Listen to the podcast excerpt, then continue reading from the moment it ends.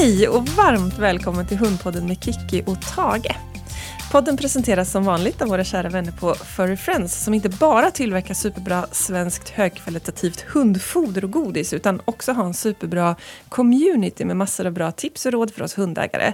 Och vill du ha mer tips från mig än de som jag ger här i podden då är faktiskt Furry Friends Instagram den bästa kanalen just nu för de släpper regelbundet både artiklar och annat material som jag skriver. Men nog om det. Vi närmar oss den tiden på året då flest skaffar valp och idag är temat valpar och valpträning. Och med mig idag är ingen mindre än Jessica Mann. Jessica, varmt välkommen hit! Tack så hemskt mycket. Väldigt, väldigt roligt att vara här. Eller hit och hit, du är ju med på distans. Men det känns som att vi ses eftersom vi sitter här med videomöte igång. Så det känns nästan som att vi är i samma rum. Ja, man har ju nästan vant sig vid den här typen av möten nu så det känns konstigt när man träffa någon i, i, rent fysiskt. Ja, men exakt. Eh, du har ju skrivit boken Blygerhundar, så gör du din hund till en superhjälte som blev en dundersuccé och hjälpt massor av hundar och hundägare till bättre förståelse. Och nu har du även skrivit boken Valpträning, så gör du din valp till en vardagshjälte. Och även den har ju med rätta, skulle jag säga, tagits emot fantastiskt väl. Och vi kommer tillbaka lite grann till dina böcker så småningom, men först Jessica, vem är du? Vem är jag? Jag är, alltså i grund och botten så är jag journalist och statsvetare och höll inte alls på med hundar förrän jag fick en egen hund som hade massvis med rädslor. Och jag var tvungen, eller var tvungen, men jag kände för att jag skulle kunna hjälpa henne så var jag tvungen att lära mig så mycket som möjligt. Så vi gick alla möjliga olika kurser och vi, eh, vi, vi gick med på precis allting som vi kunde göra för att hon skulle bli en trygg och, och härlig hund att ha att göra med. Och så småningom så gick jag till och med en instruktörsutbildning. Inte för att jag skulle jobba med hundar utan för att jag ville hjälpa Bo, som hon hette, den här hunden. Och eh, efter, efter jag hade gått den så gick jag en utbildning i etologi och sen så ja, helt enkelt enligt bananskalsmodellen så, så blev hundar mitt hela liv och jag, eh, det slutade med att jag, att jag började jobba med hund på heltid.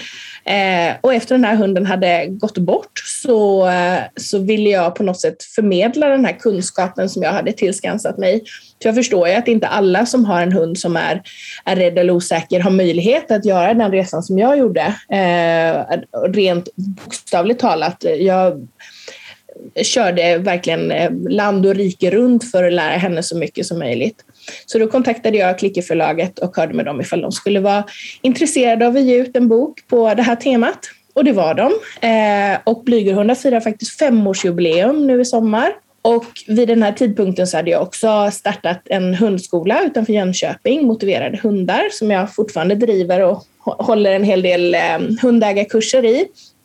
Och sen så eh, jobbar jag även i attityd hundkunskap där vi har instruktörsutbildningar och eh, utbildningar till hundbeteendeutredare. Och för nästan exakt ett år sedan så kom valpträning som uppföljaren till blygerhundar eller snarare som en för. Egentligen borde den komma först för att det som jag är min ambition med, med, med valpträning det är inte bara att, äm, att prata om de här helt, helt vanliga valpsakerna utan också lite grann om hur man kan faktiskt vaccinera en hund mot att, att få rädslor. Eh, det kan man göra till en viss grad, det går inte helt och hållet, men en, en ganska stor del av boken Valpträning handlar om hur, hur vi kan miljöträna och socialisera våra valpar för att få dem så, så, så starka och glada och härliga som, som möjligt. Eh, så idag så är jag, jag håller inte så himla mycket helt vanliga kurser längre, utan jag är ute och föreläser och eh, pratar mycket, på, oftast på de här två temana. Men också i frågor om typ hundmöten och sådär. Eh, jag lever med fyra hundar som jag tränar allt möjligt med. Men just nu så är freestyle det som jag brinner för allra mest. Det är ju så himla kul att få vara kreativ och, och musik och, och få liksom dansa tillsammans med sin hund. Men jag har också två pensionärer som, som behöver sitt på lite annat sätt. Så att, ja, det är vad jag gör. Mm. Och du håller till i Jönköpingstrakten, va? Ja, Eller? precis. Ja. Mellan Jönköping och Ulricehamn är en liten håla som heter Bottnaryd. Just det, just det. Det här är, väldigt, här är väldigt fint och här är väldigt hundvänligt. Så att det, är, det är det perfekta stället även om det inte är så, så, så coolt. Jag tycker det låter jättecoolt. Mitt i skogen. Ja, underbart. Ja, ja men, och om man då skulle vilja börja, liksom, om du vill dela med dig av dina bästa tips till valpägare, var vill du börja? Mm. Alltså det första som jag det första som jag alltid försöker förmedla det är att man tar på sig sina rätt glasögon. För ganska ofta, och det här känner ju du också till, Mm. så, så vänder sig folk till en för att de har någonting som de vill att hunden inte ska göra. Hur lär jag min hund att inte hoppa eller inte dra i kopplet eller inte inte springa efter rådjur eller vad det nu kan vara. Det är massa sådana inte-saker. Och så, så är det ofta när man får hem den lilla valpen också, att man tänker så okej den, här, den här valpen, den ska inte hoppa när den hälsar. Men jag skulle vilja tänka tvärtom. Eh, vad vill jag att min valp ska göra istället? För att om jag säger att den inte ska hoppa, det kan betyda precis vad som helst. Eh, alltså att den ska springa, att den ska sitta att den ska vara i ett annat rum, att den ska levitera, vad som helst. Och, och det är ju inte sanningen, utan jag har ju en... Eller förhoppningsvis så kan jag, ska, ska, kan jag skapa mig en bild av hur jag vill att, att det ska se ut. Eh, så det är det första som jag försöker tänka på, att ta på rätt glasögonen istället. Istället för att tänka så här, här måste jag träna så att valpen inte hoppar, så vill jag träna för att valpen har fyra tassar i backen. Och varför, varför tycker du man ska tänka så? Jag håller ju med. Jag vill bara Ja. höra ännu fler argument. Ja, för att då har jag någonting att belöna. Ja, Och det är med hjälp av belöningarna som vi bygger beteenden, som vi förstärker beteenden. Eh, och när vi, när vi belönar, ofta är det lätt att tänka så här, om jag säger sitt till min hund och den sitter, så tänker jag, eller vi är ju så, vi är så liksom lön lön eh, indok- indoktrinerade så lätt att tänka att jag ger min hund godisen för att den har satt sig ner. Men egentligen, det vi gör, det är att vi ger hunden en godis för att den ska sitta i framtiden också. mm. Så att vi, vad den redan har gjort är egentligen irrelevant. Eh, om hunden sätter sig ner och får en godis så gör vi det för att vi vill att, den, att vi ska ha mer av det beteendet i framtiden. Och ju mer vi har beteenden som vi kan belöna, desto mer får vi de beteendena som vi vill ha istället. Mm. Ehm, så ifall jag tänker att min hund ska, när den träffar en ny människa, att den ska sätta sig ner och kanske titta upp på den här människan, då har jag en, en målbild som jag kan belöna. Och genom att göra det så får jag mer av det här. Ifall jag istället tänker att min hund får inte hoppa och jag börjar putta undan den eller säga nej eller hålla undan den och så, då har jag inte berättat för valpen vad, vad jag vill ha och då blir det jättesvårt för valpen att göra rätt för att den, den har liksom ingenting att gå efter. Ja, men jag håller verkligen med. Och det blir ju som du säger svårt att veta men vad vill du att jag ska göra då? Och sen så blir det också en väldigt tråkig ton. Det är lite samma som med barn tycker jag. att Hamnar man i att bara säga nej och inte så, så blir det inte speciellt roliga dagar till slut. Då får man försöka vända på det. Men vi gör så här istället. Liksom. Och, ja, så att jag, ja, jag är 100% enig. Så rätt glasögonen, de sätter vi på oss direkt. Ja, så det, det är det första som jag, som jag vill att, att liksom, i valpkittet så finns de här, de här rätt glasögonen. Mm. Eh, och sen så skulle jag också vilja skicka med en nybliven hundägare att allting måste inte ske direkt. Man Nej. behöver inte ha en, en färdig hund vid nio månaders ålder utan vissa saker kan man faktiskt vänta med.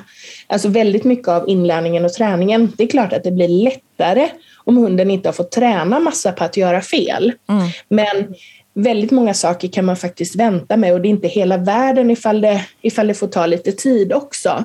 Men däremot så finns det två saker som man inte kan vänta med och det är miljöträning och socialisering. Eh, så när vi håller på att belöna hunden för allting bra som den gör, hemma och borta och överallt, och att vi också, så det är det första. Och sen så det andra att vi, att vi faktiskt skriver in i vår kalender att nu ska vi nu ska vi miljöträna och socialisera så att vi gör det på ett bra sätt.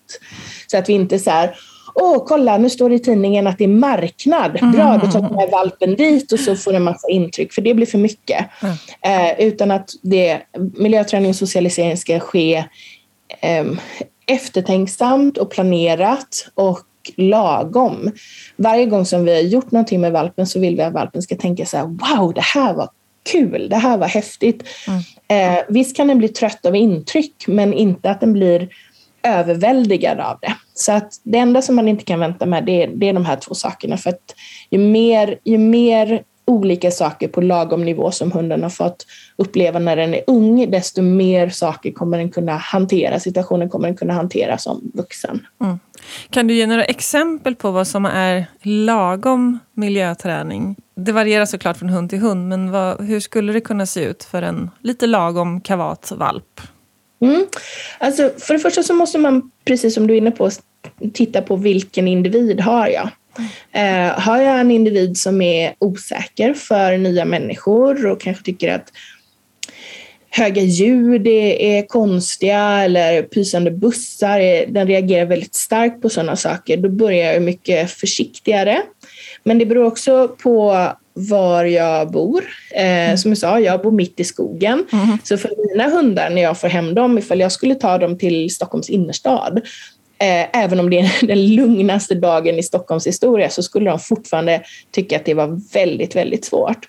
Men har jag en valp som redan från början som bor mitt inne i Stockholm till exempel, då, då är ju den miljön någonting som är ehm, är mycket mer hemma för valpen. Det kan fortfarande vara, vara överväldigande för den emellanåt men det är ingenting som är, är nytt eller konstigt. Den valpen kanske man får ta till skogen under en höststorm istället mm. eller när det blåser lite grann till en början. Eh, eller åka ut till landet och träffa kor på avstånd. Mm. Sådär. Så att vi måste hela tiden fundera på vad får min hund med sig i den, i den, liksom, den vanliga hemmamiljön mm. och vad behöver jag aktivt söka upp. Ehm, så som jag bor så behöver jag aktivt söka upp hundmöten. Och det är jättelätt att man missar det. Ehm, och kanske bara går här i skogen och hänger och där det inte, där det inte finns ett enda hundmöte. Och då är det viktigt att jag inte tar min hund kanske och släpper den i en hundrastgård med 20 andra hundar, utan jag kanske passar på att ta in den till byn, alltså till Bottnaryd by, ja. eh, där jag kan se en hund i kvarten eller någonting i den stilen. Så, hund, så min valp bara får titta på, på den andra valpen. Eh, men ifall jag bor i, i en stad, då kanske jag måste aktivt söka så att jag får bra hundmöten. För det är inte bara, det är inte bara att, att hunden får möta andra hundar, utan det är också vilken typ av hundar den får, den får se. Um, så att de är i olika storlek, de är i olika aktivitetsnivå och så vidare. Och ska min valp träffa, alltså hälsa på en annan hund, så måste jag vara supernoga med att det är en en hund som kommer vara snäll mot min valp, en hund som är lugn. Jag vill inte släppa ihop två valpar i samma ålder. Framförallt inte när de är unghundar sen så vill jag inte släppa ihop två unghundar i samma ålder och låta dem busa i två timmar. Det är inte ett bra hundmöte. Utan ett bra hundmöte är kanske att de får träffa en, eh, en, en lugn äldre hanhund som är ganska ointresserad av valpen men som går och kissar och nosar lite grann så att valpen får det bra intrycket att aha, det är så här man kan umgås med andra hundar. Mm. Um, och det är lätt att man, jag älskar att se hundar leka. Det mm. är så himla kul att se hundar leka. Men det är lätt att det bara blir sånt, framförallt med en ung energisk hund. Att man släpper ihop och så får de busa, busa, busa och så får de racea och sen så blir liksom, då blir känslan så fort unghunden ser en annan hund att oh, jag måste racea allt vad jag kan. Det här, alltså adrenalinnivån ja. går upp över åsynen av en annan hund. För det är det som är vanan för den här hunden. Mm. Eh, så många lugna möten och så kanske någon liten bus stund emellanåt, för det är också mm. viktigt för att utveckla hundspråk och sådär. Mm. Och när det kommer till människor så eh, är det samma sak där. Jag vill att de ska träffa män och kvinnor och kanske någon som sitter i rullstol och någon som går med käpp och eh, barn och, och, ungdomar och alla möjliga. Men att det är lugna, bra människor som kanske är ganska... De bästa barnen är de som har massvis med hundar hemma. För de de är dels vana vid hundar men de är också ganska ointresserade för de har redan så många hundar hemma. Um, så att, det, så att det verkligen blir lugn och, och ro och sådär. Och sen så tycker jag en bra tumregel är att um, om hunden ska få godis i mötena, att den får det av sin ägare. så att den inte får det av, av massa främlingar, för då, det skapar också en felaktig förväntan hos hunden. Mm. Att eh, Åh, människor betyder att jag kommer få godis från dem. Men ifall, ifall valpen istället tänker ah, människor, det betyder att jag kommer få godis från min, min matte eller husse. Då får man en naturlig, att den naturligt vänder mot mig. Ah, kolla människa, kolla, då kan jag få, kanske få en karamell.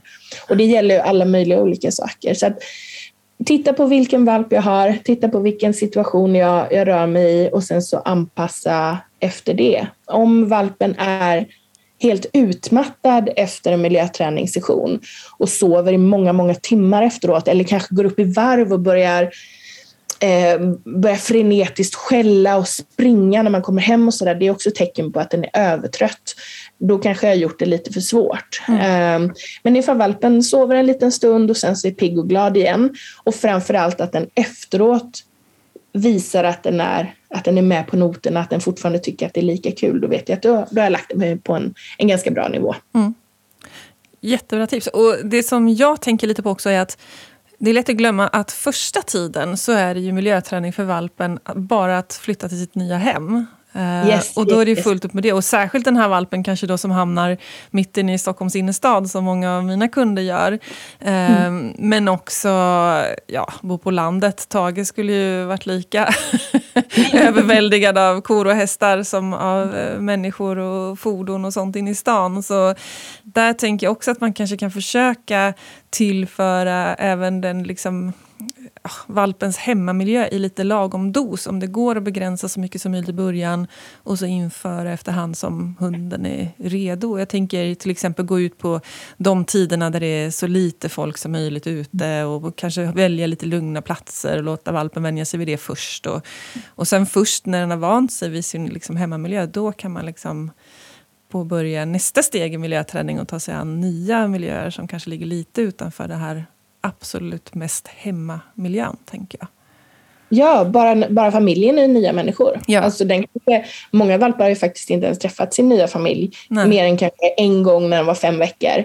Eh, så, att, så att bara det, att åka bil långt som, som många valpar får göra kan ju vara jättesvårt. Och, och sen så släpps man ut då på en, jag menar som här, här har jag fyra andra hundar, jag har mina höns, jag har mina katter. Eh, och faktum är att jag, jag fnissade lite när du, när du sa det här för att eh, jag har fått tre mejl denna veckan om, om hundar, unghundar som reagerar på, på eh, såna automatiska gräsklippare. Ja. Det är någonting som är på landet ja. ut för. När, liksom I villaträdgårdar. Åh oh, nej, han har aldrig sett en sån förut. Och det är självklart och det är också ganska svårt att träna på. Ja. Säg att man får hunden i januari. Det, ja. det är jättesvårt att träna på en sån sak. Men, mm. men liksom, så vissa saker kan man inte planera så mycket för men, men de, de utsätts ju för det på eh, liksom i olika grad beroende på var de är någonstans. Mm. Så att, absolut. Eh, och jag tycker inte att man ska stänga in sig tillsammans med valpen i, i liksom flera veckor men, mm. men det viktigaste som man gör, kanske åtminstone de första dagarna, det är ju bonda tillsammans med, med sin valp så att valpen vet att det här är dens familj och, och människor och sådär. Så det är superviktigt, verkligen. Mm. En sak som jag ser en del av också när det gäller det här med miljöträningen är att många tänker att eh, om man får eh, valpen på sommaren och så kanske man har förmånen att ha ett sommarställe så åker man ut och så ger man hunden väldigt lugna veckor, de kanske fyra första veckorna när man har semester. Och sen så flyttar man hem till stan där det är superintensivt och så blir det en väldigt abrupt övergång där. Och att man missar lite den här första perioden där hunden är väldigt mottaglig mottaglig för miljöträning. Eh, då kan det bli lite problem, upplever jag, när man sen ska in i stan igen och försöka vänja valpen vid allting som händer där. Ja men absolut. Och det är ju också, så vi ska inte bara titta på, på vilken individ vi har och vilket liv vi lever just den här veckan utan försöka fundera på vilket liv vill jag förbereda valpen för så småningom. Eh, och det kan ju vara till exempel att, att min valp kommer behöva gå på dagis. Mm. Eh, då måste den förberedas för en sån tillvaro. Eller att den ska följa med på, på kontoret. Eh, nu har jag mina fyra hundar här. Jag har ett jättelitet kontor men de ligger vid mina fötter. De, mm. de har vant sig vid att när, de, när jag går in på mitt kontor då är det sova som, som gäller. Sen precis i början av vårt samtal så går de upp i aktivitetsnivå lite grann för att det är någonting som händer.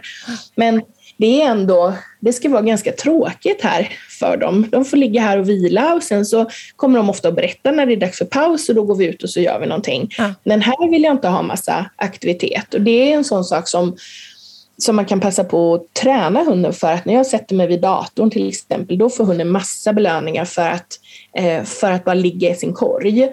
Eh, medan en an, vid ett annat tillfälle så kanske den får massa belöning för att den är aktiv mm. och massa uppmärksamhet för att den är, är, aktiv. Men att man försöker tänka lite ett steg längre. För det hade varit jättejobbigt ifall mina mina ganska vilda hundar hade, hade börjat leka kamplek med varandra eller börjat busa med varandra så fort jag hade satt mig vid kontoret. Ja. För då hade jag inte fått så mycket jobb gjort. Um, och, uh, så att, och så ska jag ha en hund som ja, men som ska valla får till exempel, jag har ju själv border collies, då, då, då vill jag ju förbereda valpen för det är inte så att jag går ut med den åtta veckors valpen och vallar, men att den kanske får vänja sig vid den typen av miljö, att den kanske får vänja sig vid dofterna, att den får vänja sig vid eh, fyrhjulingar och sådana saker som förekommer på en fårgård. Då har jag en hund som ska som jag i framtiden vill ska, ska springa tillsammans med mig med en dragsele, då kanske jag redan när den är liten tränar med att den har någonting bakom sig som drar lite grann och sådär. Så att, eh, är jag lite smart där så kan jag faktiskt förbereda valpen för det som komma skall. Mm. Och det farligaste man kan göra det är ju precis det som du beskriver, att man tar den för det är ju, då, då, då invaggar man ju både sig själv och valpen i, i liksom en liten felaktig förväntan att man kanske tänker att oj, den här valpen är världens lugnaste för att den, den har bara varit på landet i fyra veckor. Och sen så kommer man hem och så oj, vänta lite, den har aldrig sett en, en buss, den har aldrig sett en bil, den har aldrig sett ja, alla de här sakerna som finns i, mm. i stan. Så att det är jätteviktigt att man har liksom lite, lite framförhållning där också. Mm. Plus att valpen ska ju, den ska ju förhoppningsvis vara med oss i många år framöver. Så även om mitt liv ser ut på ett visst sätt just nu så är det ändå bra för att försäkra sig om att den har sett massa andra saker också. Mm. Ja, men det tänker jag också att även om man kanske inte kan förutse alla miljöer som hunden ska utsättas för i framtiden så har vi vant den vid tillräckligt många så börjar den förhoppningsvis generalisera och tycka att alla nya miljöer är lite spännande och positiva istället för att det blir någonting läskigt. Ja, nej men absolut. absolut. Mm. Mm. Mer då? Då har vi pratat om uh, vikten av att ha rätt glasögon, och vi pratat om miljöträning och socialisering. Vad mer tycker du är viktigt att vi har i bakhuvudet när vi får hem? Att vi trän, redan från början eh, tränar belöningar med hunden. Och det kanske låter lite konstigt att träna belöning, men eh, jag, vill ha, jag vill ha hundar som, som gill, verkligen gillar sina belöningar. Och det, det som jag mest använder mig av är mat och leksak. Mm. Och, men det finns ju såklart, det finns massa belöningar. Allting som hunden gillar att göra kan man, kan man använda som en belöning. Men just i träningen så är det väldigt det blir väldigt effektivt ifall jag, när hunden, säger att jag, har, eh, jag är ute och går med min valp och så kommer min granne och så tittar min valp lite lugnt på grannen, då vill jag belöna det beteendet. Och då vill jag kunna berätta för valpen att det här gjorde du rätt. Mm. Och då, jag använder mig väldigt ofta av klickar, men jag vill också kunna säga med ett ord att nu gjorde du rätt. Och det som klicken och det här rätt ordet betyder, det är nu gjorde du rätt, här får du din belöning. Mm. Så det är, inte, det är liksom inte slutet i sig, utan säger jag bra, så, eller rätt, eller vad jag nu använder för ord, så vill jag också att, att valpen ska veta att den ska vända om till mig för att få sin, sin riktiga belöning. Mm. Um, och jag tränar ju på, jag tränar ju på så sätt att jag, jag vill lära valpen att man kan äta godis från min hand. Mm. Man kan äta godis som jag kastar på marken. Nej, man kan äta godis som jag kastar upp i luften som den får fånga, som den får jaga efter i min hand. Så jag kan använda godisbelöningar på väldigt många olika sätt. Från väldigt, väldigt lugnt till till väldigt aktivt. Um, och samma sak med leken. Jag vill, jag vill lära min valp att leka tillsammans med mig och det är inte alls alla valpar som har det i sig från början utan det kan man behöva lägga ganska mycket tid och energi på. Eh, att, att faktiskt jaga efter och, och kampleka, komma tillbaka med leksak och sådana saker. Så det här att, att liksom ha bra strukturer kring belöningar, det tycker jag är, är jätteviktigt. För ska vi använda belöningar som som det här redskapet som jag pratade om tidigare, för att kunna bygga bra beteenden då måste också belöningarna vara i sig fungerande. Mm. Ja, men det där tycker jag är jätte, jättebra tankar, för jag upplever att det händer ofta att man kanske bara börjar använda belöningarna rakt av och att vi kanske ställer lite för höga krav på valparna. Att det blir liksom, eh, det blir inte värt det till slut för dem. Att vi försöker använda godis eller leksaker för svåra situationer och då vägs det liksom inte riktigt upp det som hunden måste prestera för att få dem. Mm. Och då kan vi till och med sänka värdet på godiset, att det blir inte tillräckligt yes. intressant, tänker jag.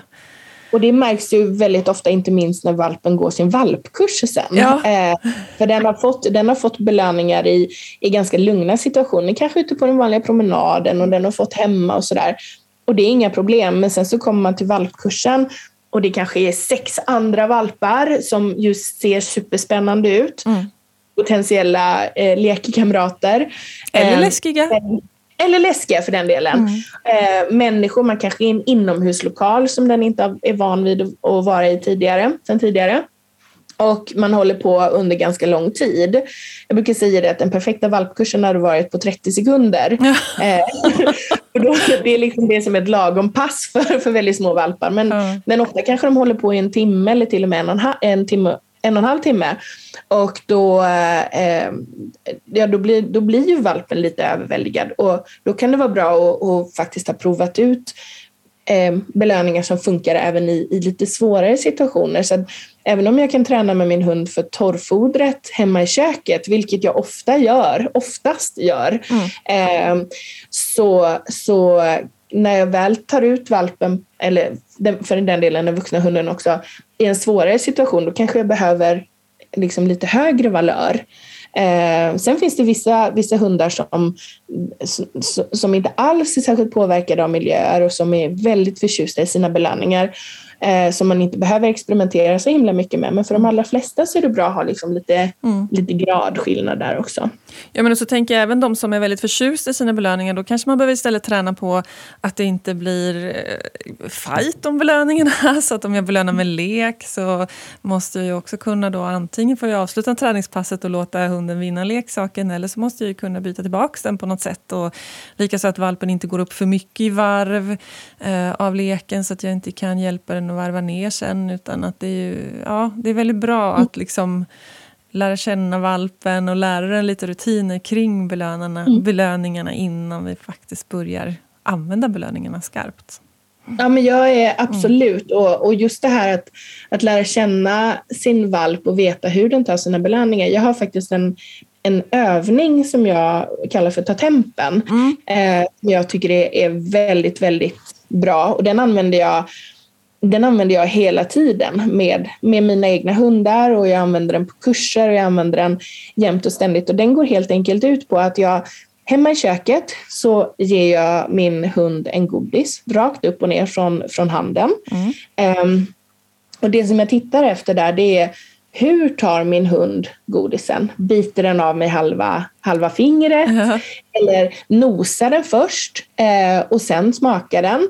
Eh, eller tar den, liksom, ja, tar den hårt, tar den mjuk? Hur, hur känns min hund när den tar sin godbit från min hand? Och jag har själv en, en av mina hundar som alltid nosar på sin godbit först. Och hade jag inte vetat att, att han gör så i en lugn miljö så hade jag kunnat bli lite bekymrad när jag går ut i en svårare miljö han först nosar på godbiten. För att det, det kan för en annan hund vara ett tecken på att miljön är lite för svår. Mm. Eh, men jag vet att han gör det. Första godbiten som han får kommer han nosa på och det, det är bra, då vet jag. Då har jag liksom en, en baseline för honom att, att det är så som, som hans godbitstagande ser ut. Eh, så det, det är det första som jag testar i den här övningen. Och sen så nästa steg är att jag bara lägger en godbit på marken. Eh, och då vill jag att hunden direkt går till godbiten, tar den och sen tittar upp på mig eh, för att få en till.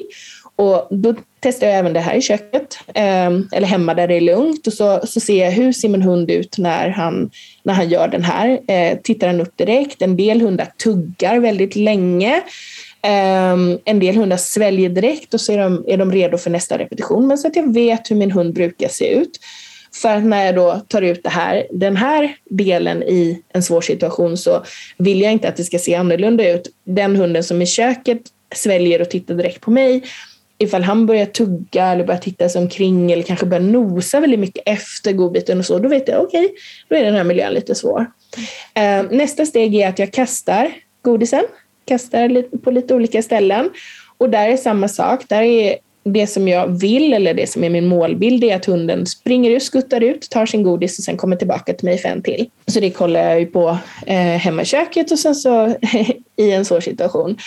Och steget därefter, har en hund som leker med leksaker så eh, provar jag hur känns det? Eh, hur känns min hund när, när, han leker med en leksak? Drar han hårt? Drar han mjukt? Drar han bakåt? Om jag kastar leksaken, hur ser han ut då? Skakar han på den eller kommer han tillbaka? Eh, och sen så, eh, och då får jag liksom en, en baseline här också. Det kanske jag inte gör i köket, för där kan det vara många hundar som känner sig hämmade, även om de är helt trygga och säkra i köket så det här att leka i kanske ett lite trängre utrymme kan vara svårt. Men då kanske jag provat det på, på tomten eller någonstans där hunden verkligen är, är bekväm att vara. Eh, och sen så det sista som jag gör, det är att jag provar ett enkelt beteende. Alltså någonting som jag vet att hunden kan. Kanske säger sitt, eh, ifall hunden kan sitt på ordet sitt. Eh, och då ser jag hur, hur snabbt reagerar min hund på sitt. Tjoff, smäller den rumpan i, i backen direkt eller tar det en liten stund. Um, och, ifall, och det här är ju, det här är ju jätteeffektivt att, att se ifall min hund reagerar långsammare på mina signaler. Då vet jag också att okej, okay, då, är den, då är den väldigt störd. Då kan den inte ens ta in mina signaler tillräckligt snabbt. För en valp som inte kan så många saker på, på verbal signal så kanske jag bara backar några steg. De flesta valpar följer då efter. Ehm, så det är i sig ett inlärt beteende. Eh, eller det blir ett inlärt beteende. Så jag backar några steg och så följer valpen efter och så kan den få en god bit. Så det här är, det här är de olika stegen som jag använder mig av. Sen kan de komma i olika ordning. För vissa hundar, eh, Bo som jag pratade om, hon tyckte till exempel att det var jättekomplicerat att bara ta en god bit rakt upp och ner. Hon ville först göra någonting för det. Eh, så att för henne så kanske jag började med det sista steget istället. Jag bad henne göra någonting och sen kunde vi gå över till att testa hur hon tog godbitar i olika situationer. Eh, för, för min äldsta hund som jag har nu så börjar jag med leken. För att han kan, vara, han kan tycka att godbitar är lite ointressanta precis i början. Han behöver liksom värma upp sig till det. Men med honom så börjar jag med leken och skulle han inte vilja leka med sin frisbee så då vet jag att okej, okay, då är miljön jättesvår för honom. Så att man får anpassa lite efter sin egen hund. Eh, men det viktigaste är att man vet hur den reagerar hemma vid och sen eh, prova detta i alla möjliga olika situationer. Så prova det på valpkursen, prova det, på mina hundar så provar jag det när vi kommer till tävlingsplanen. Eh, redan på parkeringen så provar jag det här. Det går väldigt snabbt när man har fått in det här som en rutin. Det tar bara det tar inte ens en minut att göra alla de här stegen. Ehm, eller säga att vi har råkat ut för ett jättesvårt hundmöte. Det kanske kommer fram två lösa hundar som har skrämt mina hundar. Då vill jag prova så att de är okej okay att kunna gå vidare. Mm. Ehm, så att den här övningen tycker jag är superbra just för att lära känna min egen valp. Men också för att kunna använda sen i, i som temperaturmätare och märka att hunden är överväldigad och stressad och inte kan ta sina belöningar, då kan jag inte heller, då kan jag inte heller tänka att okej, okay, då ska den lära sig massa nytt på en valpkurs. För det är ju nästintill omöjligt för den att lära sig någonting nytt ifall den inte ens kan äta en godis från min hand mm. för att det är för svårt. Hur ska den då kunna lära sig någonting? Då kanske jag måste ta en promenad med valpen eller jag kanske måste låta den gå ut och dricka lite vatten och kissa lite eller, eller sådär. Mm. Jag tänker att den här övningen också kan bli ett väldigt bra sätt, en trygghet för valpen också, att landa i en ny situation, att den känner igen att men det är bara den här leken som vi brukar göra, utan speciellt stora eh, förväntningar på att hunden ska åstadkomma någonting, så får den bara göra några saker som den känner igen. Ja men precis, och ifall man har, om man, om man lär valpen att Eh, om man lär valpen att den här övningen är någonting som vi kommer göra ofta, men det är också ett sätt för valpen att faktiskt kunna kommunicera med mig. För mm. ifall valpen säger men idag kan jag inte leka, mm. okej, okay, ja men bra, då kommer jag svara på detta. Jag kommer respektera min valps, eh, min valps mående tillräckligt för att göra någonting åt det. Mm. Så för mig så blir det en trygghet för att jag vet att min, mina hundar kommer säga nej ifall de behöver säga nej. Eh, och, eh, och för valpen eller för hunden så blir det ju en trygghet för att de vet att de har ett sätt att kommunicera. Valpar och hundar de kan också ha ont i huvudet och dåliga dagar och ont mm. i magen. Och de kanske är proppmätta efter att ha varit på kurs en halv dag till ja. exempel. Alltså det, det finns många anledningar till detta. Ja. Ja, men jättebra tips. Och, eh, har du några fler så konkreta övningar? Men det här är en bra valpövning som man kan göra med sin valp. Ja, eh, frivillig kontakt. Det är min... Eh, jag har faktiskt skrivit upp det här på blocket som jag tjuvkikade ja. lite på. Att jag inte får glömma bort att säga det. Den frivilliga kontakten, eh, alltså helt enkelt att jag inte säger någonting till min valp, men så fort den bara kastar ett, ett getöga mot mig, den kanske bara vinklar ett öra mot mig, så blir det superfest. Ja. Och den här använder jag de första dagarna eller första veckorna beroende på vilken valp jag har. Så belönar jag valpen så fort den tittar åt mitt håll, även inomhus. Mm. Och sen på promenaden och sen var jag än är. Det ska liksom det ska vara ett supervärde för valpen att, att rikta sin kontakt mot mig. Mm. För dels så får jag en, en hund som när den är lös sen eh, i skogen eller på promenaden så har den vant sig vid att checka in mot, till mig, eh, checka in hos mig eh, då och då är någonting som är jättevärdefullt och då, då blir det ett defaultbeteende, någonting som är väldigt enkelt för valpen att göra. Mm. Och det kan vara så enkelt som att den bara får komma till mig, jag klappar om den och sen får den springa iväg igen. Mm. Men att den har lärt sig det här, eh, att, att komma till mig. Så det är det ena, liksom det här checka in-beteendet. Men det här checka in-beteendet kan också sen i förlängningen faktiskt bli en en jättefin följsamhet. För att då kanske valpen den tittar på mig och sen så berättar jag för den hur duktig den är, så går vi två steg tillsammans, sen får den sin godis och sen får den springa. Då har, då har valpen lärt sig att gå vid min sida i två steg och sen sju steg och sen 300 meter ifall vi ska gå förbi någonting. Mm. Så jag bygger vidare på det här beteendet, att bara rikta örat mot mig blir liksom en, en följsamhet så småningom.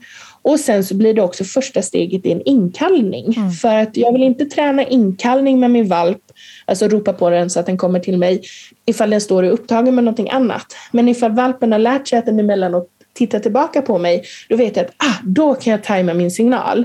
Så precis när den tittar på mig så ropar jag på valpen, ger den superfest och sen får den springa iväg igen. Mm. Um, så att det, det här frivilliga fokuset det är väl det är väl den övningen som jag gör egentligen mest med mina valpar, alltså konkret övning som jag gör. Den övningen hänger ju väldigt väl ihop med ditt första tips där också, om att slå på, slå på rätt glasögonen. För då blir det verkligen att vi uppmärksammar när valpen har fokus på oss istället för att börja reagera när den helt plötsligt hittar på andra saker.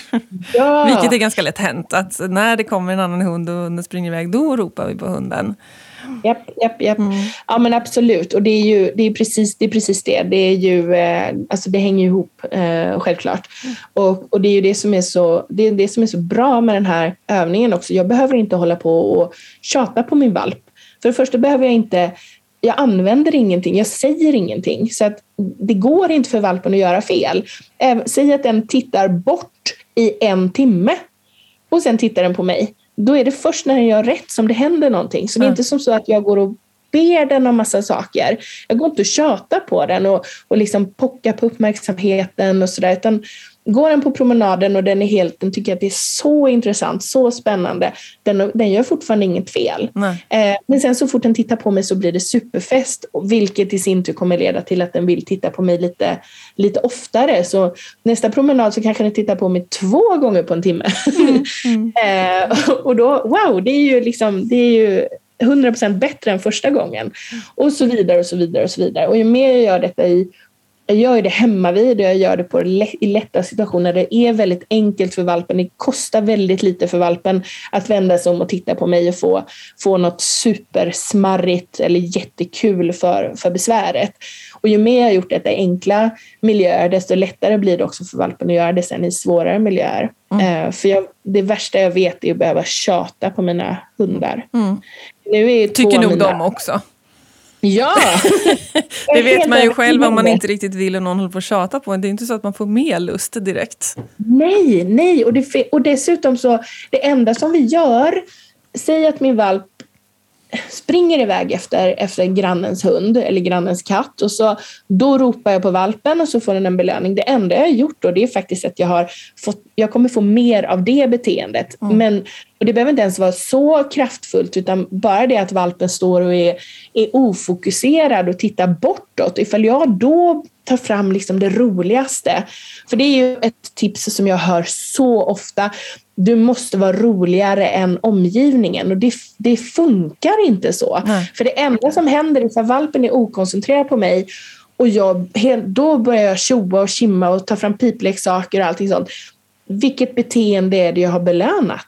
Mm. Vilket beteende är det jag får mm. mer av? Jo, att valpen är ointresserad mot mig. Mm. Men om jag står med is i magen och bara väntar på att, att bara ett öra vinklas mot mig, då är det faktiskt kontakten som jag istället har, har fått mer av. Mm. Um, jag har nu två hundar som är nästintill döva.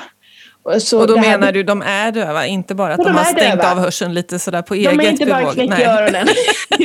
Utan de är, ja. de är döva. Åldern, åldern har tagit ut sin rätt ja. på dem så att de hör bara så riktigt gälla gälla signaler. Eh, men det är ju det här att de då checkar in på promenaden ja. gör ju att de fortfarande kan ha en viss frihet. Eh, för att jag vet att de kommer behålla kontakten med mig. Mm. Eh, så det här är inte någonting som bara liksom funkar för småvalpar utan det funkar ju sen hela, hela livet. Mm. Sen tänker jag att självklart innan valpen har lärt sig det här med att checka in regelbundet och håller sig inom den yta man vill så får man såklart antingen då ha lång koppel eller lång lina på eller, mm. eller vara på en plats där det inte finns så mycket som distraherar eller en inhägnad eller så så att man mm man låter den ju inte bara springa iväg vind för våg såklart efter allt nej. som rör sig och sen hoppas att den om en timme tar kontakt igen. nej, och nej, det var, det var bra att du sa det. För att det kanske låter som att nej, nej, du bara låter valpen göra precis vad den vill och sen när den gör något bra så får den en belöning för det.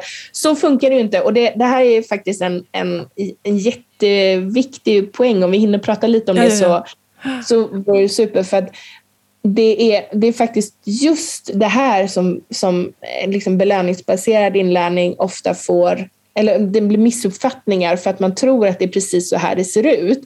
Att hundarna får löpa amok och göra precis vad de vill och sen så när de gör något bra så får de godis. Och det, men det som vi istället gör det är ju att vi hjälper valpen att göra rätt. Ja. Det är därför vi börjar inne i köket till exempel. Eller kanske till och med börja inne på toa där det verkligen inte finns, det är pyttelitet rum där det inte finns någonting annat kul att, att göra. Där kanske jag börjar träna med den valpen som inte ger så mycket spontan kontakt. Mm. Um, och sen så, precis som du säger, jag sätter koppel på valpen. Jag ser till att hålla ett tillräckligt långt avstånd mm. till det som är svårt. Um, och, och jag ser till att jag har tränat belöningsritualer och sånt tidigare så att valpen är, är bekväm med det här, är familjär med det här, vet att när man har fått en godis så kan man få en godis till för att det är så det, det funkar. Så jag, jag lägger upp träningen på ett sätt som gör att jag faktiskt kommer få fler rätt än fel. Eh, men det som, är, det som är det negativa med ifall jag hade gått ut med valpen som jag aldrig har tränat kontakt med och börjat ropa på den och pocka på den, då hade den inte vetat vad som var det rätta beteendet och då är risken att den bara hade ja, hade tittat bortåt alternativt att jag hade förstärkt det felaktiga beteendet. Så att, helt klart, eh, vi ser till att valpen har möjlighet att göra rätt. Mm. Att vi får, så det är inte bara så att jag tar på rätt glasögonen utan jag anpassar också världen så att det blir mm. lätt för valpen att göra, mm. göra rätt. Och ju mer man lyckas lägga upp den här träningen på ett lagom svårt sätt för valpen, desto snabbare kan ju man själv sen börja slappna av lite, tänker jag. Ja, men verkligen. Alltså, jag, jag, nämnde innan att mina hundar när jag kommer in här i, på kontoret att de, att de har ett väldigt lugnt beteende. Men det betyder ju också att i början, första gången de var i den här baracken som jag sitter i, så hade de ju ingen aning om att det var det som jag ville ha. Och då då förbereder jag genom att det finns tuggben till dem, det finns bekväma bäddar åt dem, det finns, de, var, de var inte sitt allra piggaste, det var de faktiskt idag, för de har bara varit ute på en, en kort morgonpromenad innan jag satte mig här och de går ändå och lägger sig, fastän mm. de egentligen hade, hade velat ha och, och strax kommer få eh, liksom ännu mer aktivering. Men första gången så var de ganska trötta när de kom hit. Eh, så att de hade, de, och då är det mina vuxna och till och med äldre hundar, så att de har de bästa förutsättningarna för att kunna göra rätt i den här situationen. Så att tillrättalägga miljön. Men nu, nu när de väl har vant sig så behöver jag inte hålla på och förbereda massa. Nej. Nej, och apropå det då med det här rätt, uh, rätt mängden aktivering. Ja. det kommer kanske in lite naturligt på då. För I boken Valpträning så pratar du lite grann om vikten av rätt typ och mängd av aktivering och det är något som jag också tycker är jätte, jätteviktigt. Hur tycker du man ska tänka där? Hur vet man vad som är bra aktivering och vad som är rätt mängd för just min valp? Ja, alltså det som... Det är ju så att, att det går inte att sätta en... Det går inte att sätta ett facit. Det går inte att säga att 20 minuter är lagom. så, utan det beror helt på eh, dels vilken valp jag har. Inte, jag kan få en ledtråd genom vilken typ av hund jag har köpt. Mm. Eh, alltså har jag köpt en, en, en väldigt aktiv ras så vet jag att den valpen kommer, kommer säkert eh, behöva mer aktivering än om jag köpt en, en, en ras som är kanske mer sällskapsavlad. Den behöver fortfarande sin aktivering men den kanske inte behöver den här extrema mängden som en, som en, eh, liksom en, eh, en malle till exempel behöver. Mm. Um, och, så jag kan få en ledtråd där. Men sen så är det också viktigt att jag verkligen tittar på min egen på min egen hund, på den hunden som jag har framför mig. Och också titta på vilken situation den här, den här valpen har. Um, och att, att, att, um, att jag kommer få svaret efter, dagen efter så kommer jag få svaret ifall det har varit lagom. Och det gör ju att jag säkert kommer tajma det lite fel ibland. Mm. Eh, säg att jag har varit, och det kommer, det kommer per nödvändighet också tajmas lite fel ibland. Till exempel när jag, den kvällen jag har varit på valpkurs så kommer min valp med största sannolikhet vara helt bananas när jag kommer hem. Mm. Eh, springa runt som en galen och bita på alla kuddar och sånt för att det har blivit lite för mycket för den. Men då måste jag dagen efter se till att den kan få ett, en ganska lugn dag där den faktiskt får sova, tugga mycket ben, göra sådana saker. Eh, det bästa, det optimala, det är ifall valpen kan få ganska, ganska utspridd aktivering över veckan, över månaden, så att det inte blir alla de här topparna och dalarna. Men det kommer bli toppar och dalar, för helt plötsligt så får man släkten på besök, mm. eller helt plötsligt går man på en kurs, eller helt plötsligt så så får matte magsjuka så att det blir några lugnare dagar än mm. vad man egentligen hade velat och så vidare. Så att eh, det, är liksom det optimala, det får man se lite grann över tid. Um, och sen så se på sin egen valp hur den, hur den reagerar. Jag vill att när jag har aktiverat min hund, när jag har varit ute med mina hundar, så vill jag att de ska vara, om jag ber dem att göra en sak till, så vill jag att de ska säga absolut. Eh, men jag vill inte att de ska liksom gå omkring och tjata på mig och säga oh, oh, nu, nu är det myror i brallan här, nu vill jag göra någonting. Mm. Så jag vill inte ta ut dem så mycket att de inte orkar göra någonting mer. Eh, men jag vill, jag vill samtidigt inte att de eh, jag vill samtidigt att om vi går och lägger oss på kvällen så ska de vara ganska nöjda med det som de har fått över dagen. Mm. Och det som är viktigt är ju att det inte bara är en massa högintensiv aktivering. Alltså kasta boll, kasta frisbee, springa, eh, hetsiga intervaller och så vidare. Eh, det kan jag absolut göra någon gång ibland. Eh, men inte som, inte som eh, huvudsaklig aktivering. Utan jag försöker se till att, att mina hundar får en ganska, eh, ganska varierad aktiverings eh, vecka eller aktiveringsmånad. Så jag lägger in lite, lite fysträning, lite nosarbete, lite, eh, lite trickträning eller ganska mycket trickträning eftersom att det kanske är min huvudsakliga aktivering nu när jag håller på så mycket med freestyle. Eh, ganska mycket berikning och då tittar jag på att de får rörelseberikning, att de får, eh, att de får olika typer av matberikning, det får de varje dag. Att de får möjlighet att röra sig. Om du skulle förklara ordet berikning? Ja, självklart. Berikning är helt enkelt att vi ger hunden möjlighet att eh, få utlopp för inneboende beteenden, medfödda beteenden. Eh, och då behöver vi titta på arten hund. Vad, vad gör en hund? En hund är ju ett, ett djur som, eh, som, sö, alltså som är sopletare. Eh, det, det, är egentligen mm -hmm. det. Vi kanske tänker att hundar är rovdjur som vargar, men om vi, om vi kollar på hur, hur arten hund har utvecklats är det faktiskt snarare så att de är sopletare än storviltsjägare. Eh, sen har ju väldigt många hundar, de har kvar en hel del av jaktsekvensen som det kallas för, alltså vill springa efter saker, vill skaka sina leksaker och vill slita och dra och går igång på pipleksaker och sånt och det finns någon slags inneboende eh, inneboende rest kvar där. Men, men just det här att faktiskt söka, söka sin mat genom att, att få krafsa fram den i sig pappkartonger eller nosa efter den ifall den är utlagd på tomten och sådär. Mm. Eh, det är ju det ena matberikningen och sen så finns det rörelseberikning. Alltså om vi tittar då på, på arten hund så är det ett djur som är, är eh, byggd för att kunna röra sig över ganska stora sträckor varje dag. Nu är det skillnad på en husky och en mops, hur mycket, hur mycket de klarar av och hur mycket de har behov av. Men, så man måste anpassa det såklart efter, efter sin, sin egen hund och sin egen hunds typ också. Uh, jaktberikningen som jag nämnde, det kan vara viltspår till exempel eller det kan vara jaga efter en, en, en fuskhare ifall man har en greyhound till exempel.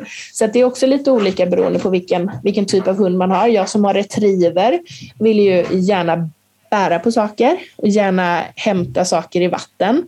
Och så har jag vallhundar, deras jaktsekvens det är smygandet och, och liksom att påverka djuren med, med sitt aj, men inte det sista. De har inte, de, där har man avlat bort själva dödande sekvensen. Mm. Um, så det ser lite olika ut, men det är helt enkelt de, de inneboende behoven som, som, eh, som alla djur har. Så tittar man då vad som är artspecifikt. Kan även titta på sådana saker som hur, hur hunden väljer att vila. Eh, jag har en, min lilla tik här, som, som gärna, hon ligger som i ett gryt, hon gräver sina egna gropar och hon vill gärna bädda in sig och hon vill, hon vill ligga väldigt eh, ombonat. Medan eh, en av mina andra hundar, han vill gärna ligga så att han har uppsikt på saker och ting, så att han lägger sig mitt i hallen och han vill gärna kunna ha span och sådär. Då, då sover han som djupast. Eh, så att väldigt olika beroende på typ av hund, men också ifall det är en tik eller hane och så vidare. Så att man får kolla lite grann på vilka eh, vilka olika behov som, som hunden har. Och ja, hon har ett litet vaktbehov också, så det var det hon gjorde nu. Det är bra Där, berikning här i bakgrunden, det är jättebra. Ja, precis. det är bra att de illustrerar det som vi pratar om. Eh, och, och sen så eh, Nej, men, alltså behovet av närhet tillsammans mm. med människor, behovet, alltså, ja men alla de här jag, jag, tycker inte om att använda ord som naturliga och onaturliga, men de här inneboende, inneboende behoven som, mm. som hundarna har. Och det kan man, det, att de flesta av de svenska hundarna de får ett jätte, alltså de, det tillgodoses på ett väldigt, väldigt bra sätt. För vi har en tradition av att våra hundar får gå på bra promenader och de får röra sig fritt och de får röra sig i skog och mark och vi, vi är noggranna med att ge dem tuggben eh, och vi låter dem gräva och vi låter dem rulla sig och göra alla sådana saker. Eh, men nästa gång som din hund rullar sig i bajs så kan du faktiskt tänka brikning, bra, bra sak. Nu har hunden gjort någonting som den har ett medfött behov av att göra. Härligt. Ja, men det är bra. Men i min, i min veckoplanering så ingår detta. Så jag, jag skriver in, jag har en veckoplanering där jag skriver vad jag vill att, att vi ska göra under veckan.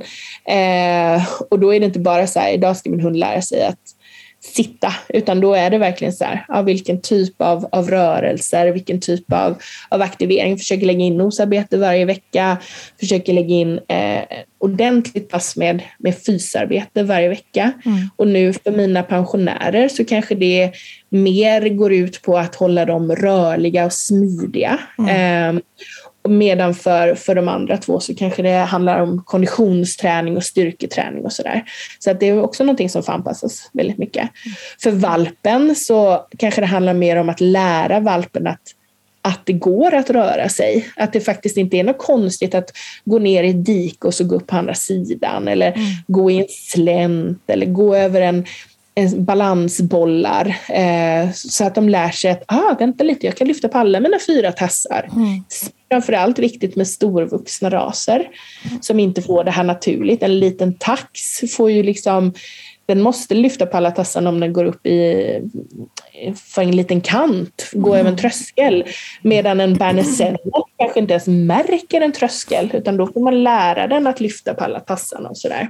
Jag tänker det bara ut och vara i en skogsdunge med valpen mm. i lite ostigad terräng och, ja. och, kanske följa valpen på dess små upptåg istället mm. för att vi bara traskar på på våra asfalterade gångvägar. Det kan ju göra väldigt stor skillnad. Oh ja, oh ja. Man behöver inte göra det svårare än så. Mm. Eh, alltså verkligen inte. Mm. Eh, och det är ju, alltså bara, bara det att vika av från stigen gör ju mm. otroligt mycket. Mm. Jag tycker också det är intressant att se hur hundarna eh, hur de nosar. Om man går på grusvägen mm. så nosar de på ett visst sätt och sen så går jag in en liten bit i skogen, då nosar de på ett helt annat sätt. Mm. För i första då är det med det här sociala. Då kollar de Facebook, då kollar de de andra hundarna som har gått där och, och liksom vilka människor som har rört sig och sådär. Det är mer ett nyfiket och intresserat men det är kanske ett mer med lite lugnare nosande. Men lite hänt i veckan. In, liksom. Lite hänt i veckan. Ja. Medan om jag går in i skogen med dem, då kan man märka att oh, vänta, lite, här var det lite spännande. Mm. Här har det kanske gått ett vildsvin eller rört sig en älg mm. eller, eller vad det nu kan vara. Och då märker, vi, märker jag det på hundarna att då har de ett helt annat nosmönster också så att ja. även de sakerna kan tillgodoses. Där tycker jag också är så spännande om man visar lite uppmärksamhet mot det som hunden visar uppmärksamhet mot. Så om hunden börjar nosa, att man själv nästan börjar lukta lite också och låtsas mm. att man känner den där doften och, mm. och ja, styr in hunden på att men det här är till och med någonting vi gör tillsammans. Och, mm kan rikta uppmärksamheten ännu mer mot det och kanske uppmuntra den att våga fortsätta utforska Mm. Så, ja. ja men verkligen. Och det där är jätteviktigt att man faktiskt försöker gå in i, i hundens värld lite ja. grann. Eh, för hundarna de är ju så otroligt anpassade till våran värld. Ja. Men ifall vi faktiskt försöker, det kan ju vara, det är ju inte roligt att behöva gå promenad liksom fem gånger om dagen varje dag.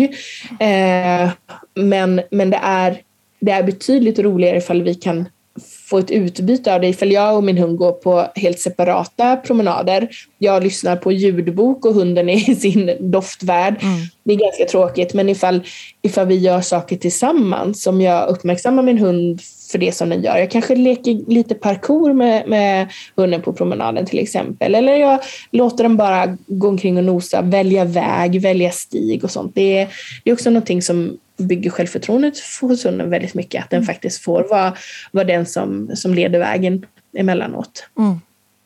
Jättebra att vi är, att vi är, vi är ett team som är ute på promenad tillsammans. Ja, men jättespännande. Har du några fler sådana saker som du tycker är viktigt att tänka på under den här valpperioden?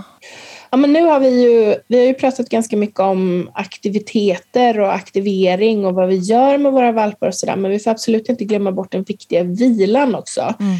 Eh, jag var lite inne på det att, att hundarna har olika sätt att, att vila på.